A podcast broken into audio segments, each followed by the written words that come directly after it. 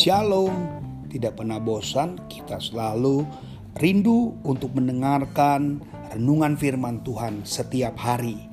Judul hari ini bicara tentang hati yang terpaut pada Tuhan.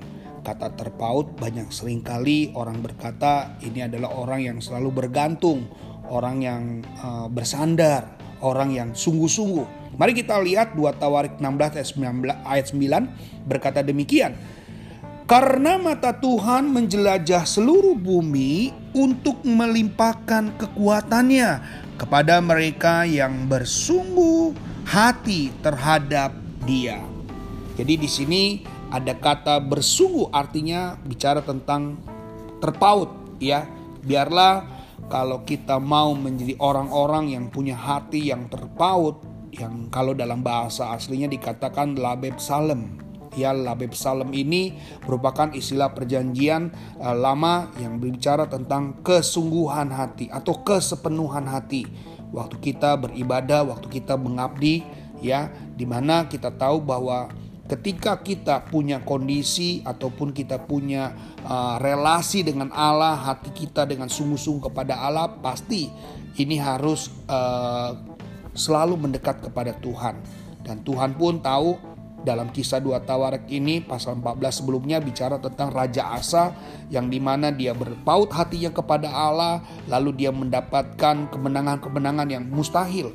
Yang orang-orang berpikir ini ini mission impossible. Kalau dia bisa melakukan kemenangan kalau dia bisa melakukan satu terobosan bukan sesuatu yang gampang. Tapi Raja Asa melakukan semuanya. Kenapa dia bisa membuat hatinya terpaut dengan Tuhan Ya, kenapa kok dia bisa mendapatkan kemenangan? Jadi kalau kita hari ini sadar ketika engkau berpaut hatimu, terpaut dengan Tuhan, sungguh-sungguh kepada Tuhan, maka janji-janjinya itu bukan isapan jempol. Janji-janjinya itu bukan hanya kata orang, tapi kita mengalami secara langsung. Kita akan merasakan secara langsung.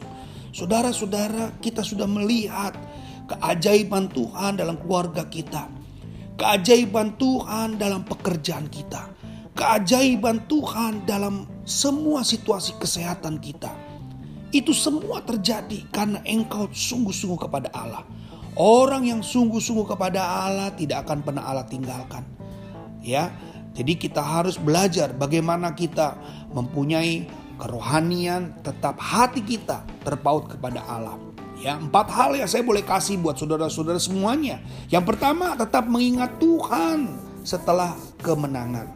Ingat loh, banyak orang sering kali menjadi gagal karena dia lupa bahwa dia adalah orang yang dulu rajin ya.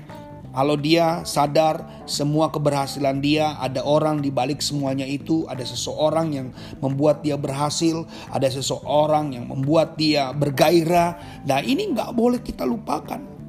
Ya, banyak orang sering kali gagal pelatihnya ditinggalkan, cara latihannya juga dia tinggalkan karena dia sudah mendapatkan pujian dan kehormatan. Hati-hati. Kita nggak boleh sebagai orang percaya jangan sampai ya kita mencuri kemuliaan Tuhan. Jangan sampai kita mencuri kemuliaan Tuhan. Kita bisa, kita mampu bukan karena kita tapi karena Tuhan. Jadi jangan melupakan Tuhan setelah kita memperoleh kemenangan. Yang pertama itu. Yang kedua, ingat ada karya Tuhan di masa-masa kita sebelumnya. Di balik kita semua itu ada Tuhan. Ya ada air mata. Ada ja, waktu saudara bisa perhatikan sebuah bangunan ada pondasi-pondasi yang menahan bangunan itu tampak indah. Cabut saja pondasinya selesai. Saudara-saudara juga ingat, kita nggak langsung hebat, Mungkin ada doa Anda waktu Anda dalam kesusahan, Anda bilang, "Tuhan, siapakah aku ini Tuhan?" Ya, siapakah aku ini Tuhan? Aku ini orang-orang biasa. Tapi jangan sombong ketika engkau sudah berhasil, ketika engkau sudah sukses, engkau merasa engkau itu karena pangkat dengan ijazah yang engkau miliki, karena engkau bisa karena engkau memang lebih pintar daripada yang lainnya. Jangan sampai engkau berkata saya bisa seperti ini karena saya memang anak rajat, anak uh, konglomerat atau bapak saya orang kaya. Jangan. Semua ada ingat karya Tuhan di masa kita. Lalu, di masa lalu kita ada Tuhan. Tindakan yang kita ambil dalam menghadapi semuanya itu didasarkan pada iman bukan rasa takut. Ingat, ya karya-karya terbesar yang sudah jadi itu karena imanmu kepada Tuhan, bukan kepada orang-orang di sekitar kita. Ingat ada Tuhan di balik semua kehebatan kita. Ada Tuhan di balik semua kesuksesan dalam hidupmu. Jadi tetaplah membuat kerohanianmu tetap berpaut kepada Kristus Tuhan Allah kita. Yang ketiga mencari Tuhan saat penderitaan. Jadi kalau kita ingin tetap terpaut hati kita kepada Allah tetap mencari Tuhan. Waktu pun menang kalah atau apa pun tetap ingat Tuhan. Mencari kehendak Tuhan dalam firman yang memberikan perspektif ilahi di balik penderitaan.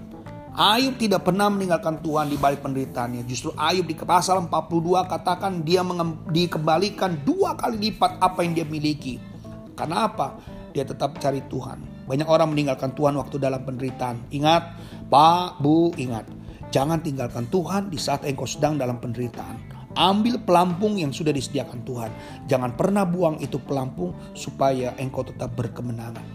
Ingat yang ketiga, yang keempat, yang terakhir kita harus melatih ya, kita harus terus melatih kebugaran rohani kita dalam perjalanan yang belum selesai. Perjalanan kita belum selesai. Saudara belum menuju ke ambang kematian. Saudara belum berjumpa masuk dalam peti mati. Saudara belum masuk ke Tegak Alur ataupun ke Karawaci ataupun ke San Diego ataupun di mana engkau mau ditinggalkan di Pondok Rangon. Bukan itu. Perjalanan kita harus tetap bugar.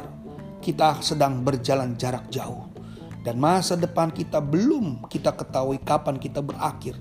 Kita apakah sudah ada yang bisa bercerita, saya Pak, Pak Yoel saya akan berhenti di tahun 2022. Saya akan mati selesai itu. Oh Pak Yoel saya tahun 2025. Kita tidak pernah bisa menebak. Ya, kita tidak bisa menebak.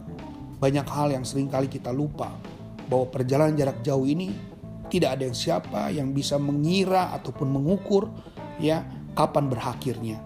Kita juga nggak belum tahu kapan pandemi ini berakhir. Tetapi yang penting kita punya iman, kita tetap berpaut dengan Tuhan. Kedekatan kita dengan Tuhan terus berjalan dan jangan pernah berhenti. Bangun hubungan dengan Tuhan lewat doamu, lewat pembacaan Alkitabmu, lewat persekutuanmu. Dengan terus mendengarkan podcast ini, terus Anda akan mengalami Kristus. Bahkan saya mendengar ada yang sakit disembuhkan. Pada waktu dia dalam kesendirian, dia dengar firman Tuhan ini. Dia disembuhkan, dia dipulihkan. Kadang-kadang kita bertanya, siapakah aku ini Tuhan?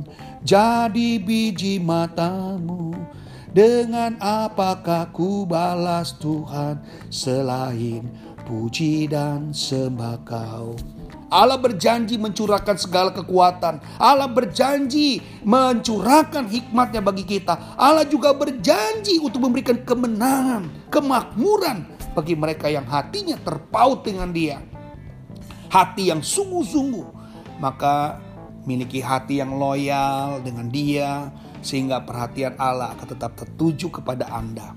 Jangan pernah goyah, walau engkau sudah terpaut dengan Allah, miliki perspektif yang benar, jangka panjang dalam mengikuti Tuhan, yang kita nggak pernah tahu kapan berakhir, kapan berhenti, dan tetap andalkan Tuhan di dalam segala hal.